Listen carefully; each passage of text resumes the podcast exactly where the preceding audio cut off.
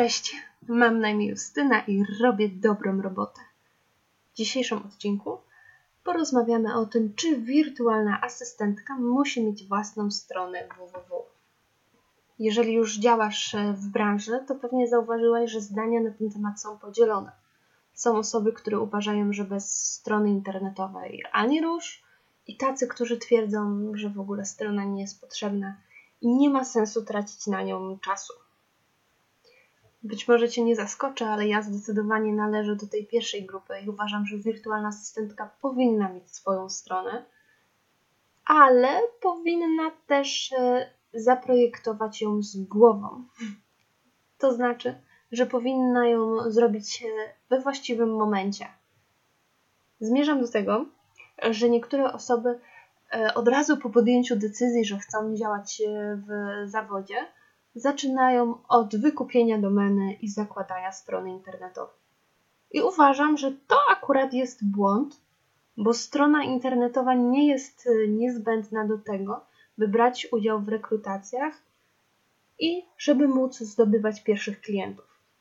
Jeżeli jesteś wirtualną asystentką, której supermocą jest e, tworzenie stron internetowych, to w takim wypadku rzeczywiście fajnie, żebyś miała ją już na początku, bo Twoja strona będzie jakby pierwszym elementem Twojego portfolio, na które będą zwracać uwagę Twoi klienci.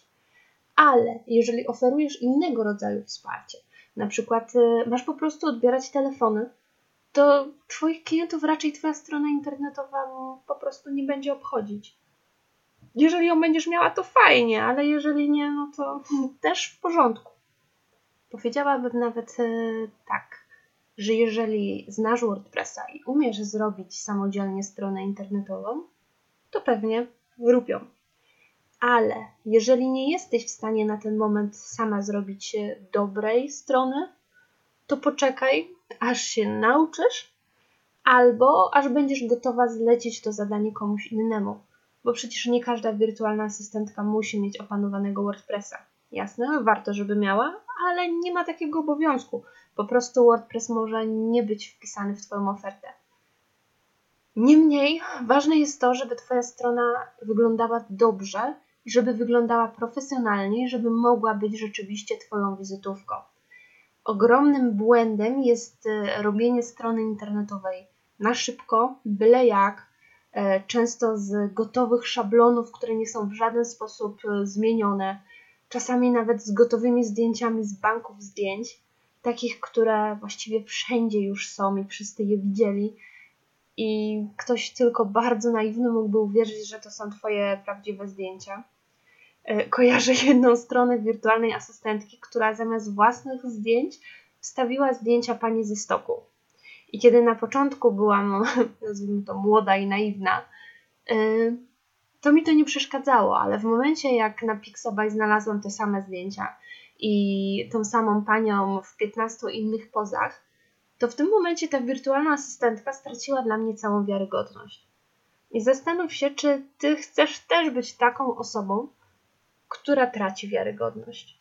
Bo w gruncie rzeczy zaufania nie idzie odbudować. I jeżeli stracisz to zaufanie już na początku, tylko dlatego, że Twoja strona nie wygląda profesjonalnie, to będzie Ci bardzo trudno nawiązywać opłacalne współpracę. Więc zastanów się dobrze, czy jest e, sens coś takiego robić. Jasne, niektórzy mówią, że lepsze jest zrobione niż idealne, ale pamiętajmy, że to niestety wcale nie dotyczy każdej sytuacji w życiu. Bo umówmy się, jeżeli chciałabyś skorzystać ze strony banku, a ta strona wyglądałaby podejrzanie, to raczej byś nie podała tam swojego PESEL-u, numeru dowodu osobistego i nie zaufałabyś jej na tyle, żeby z niej skorzystać. Myśl o swoich usługach w podobny sposób.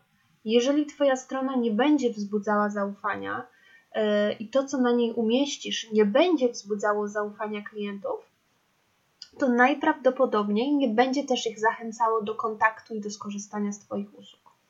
W takim razie zmierzam do tego, że wirtualna asystentka powinna mieć swoją stronę internetową, ale przede wszystkim powinna mieć dobrą stronę internetową. Tutaj też musimy koniecznie wspomnieć o mediach społecznościowych, bo wiele osób uznaje Facebooka, ewentualnie Instagram za alternatywę dla własnej strony internetowej. To nie do końca tak działa, bo oczywiście, że łatwiej jest zbudować zasięgi na Facebooku niż, e, niż pozycjonować swoją stronę internetową, zwłaszcza na jakieś popularne frazy pokroju właśnie wirtualna asystentka czy zatrudnij wirtualną asystentkę. Facebook e, jest e, przyjazny użytkownikom, nie wymaga żadnej specjalistycznej wiedzy. Teoretycznie możesz też korzystać z niego tak jak chcesz. Teoretycznie, bo w rzeczywistości e, Twój profil, nawet firmowy, czy po prostu fanpage, są własnością Facebooka.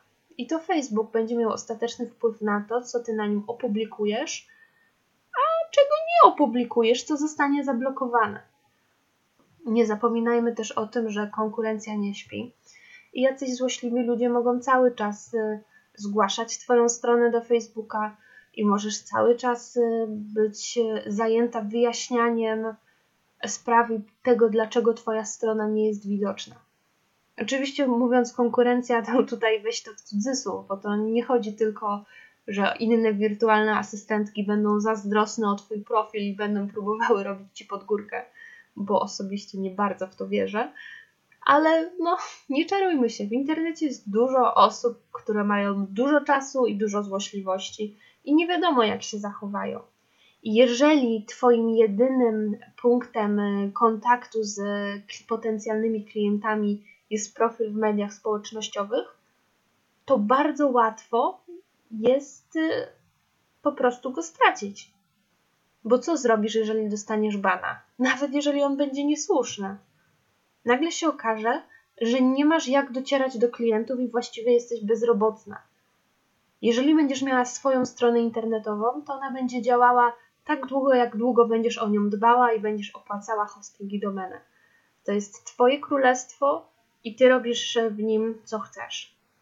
W związku z tym nie mam wątpliwości co do tego, że strona internetowa powinna być właściwie obowiązkowa dla każdej wirtualnej asystentki, która chce wyglądać poważnie dla swoich klientów. Kiedy się zabrać za budowę strony internetowej? Tak jak już wspomniałam, wtedy, kiedy będziesz na to gotowa. Jeżeli na samym początku chcesz się bardziej skupić na e, zdobywaniu zleceń, na sprawdzaniu, czy w ogóle wirtualna asysta jest dla ciebie, to też w porządku. Nie musisz mieć strony internetowej w pierwszej kolejności. I ja wiem, że jeżeli wymyślisz nazwę dla własnej firmy czy dla własnej działalności, to będzie cię kusiło, żeby jak najszybciej zrobić logo i zrobić piękną stronę, ale to wcale nie jest najważniejsze. Najpierw musisz się upewnić, że to jest praca dla ciebie i że to jest właśnie to, co chcesz robić. Kiedy już będziesz miała tą pewność, to powinnaś założyć własną stronę i to taką stronę, którą rzeczywiście będziesz mogła z dumą prezentować swoim klientom. To by było na tyle w dzisiejszym odcinku. Mam nadzieję, że już nie masz wątpliwości, już dobrze wiesz, że musisz mieć swoją stronę internetową. A w następnym odcinku porozmawiamy na temat tego, co tak właściwie powinno się znaleźć na dobrej stronie wirtualnej asystentki. Dzięki, że byłaś ze mną do końca i do następnego razu.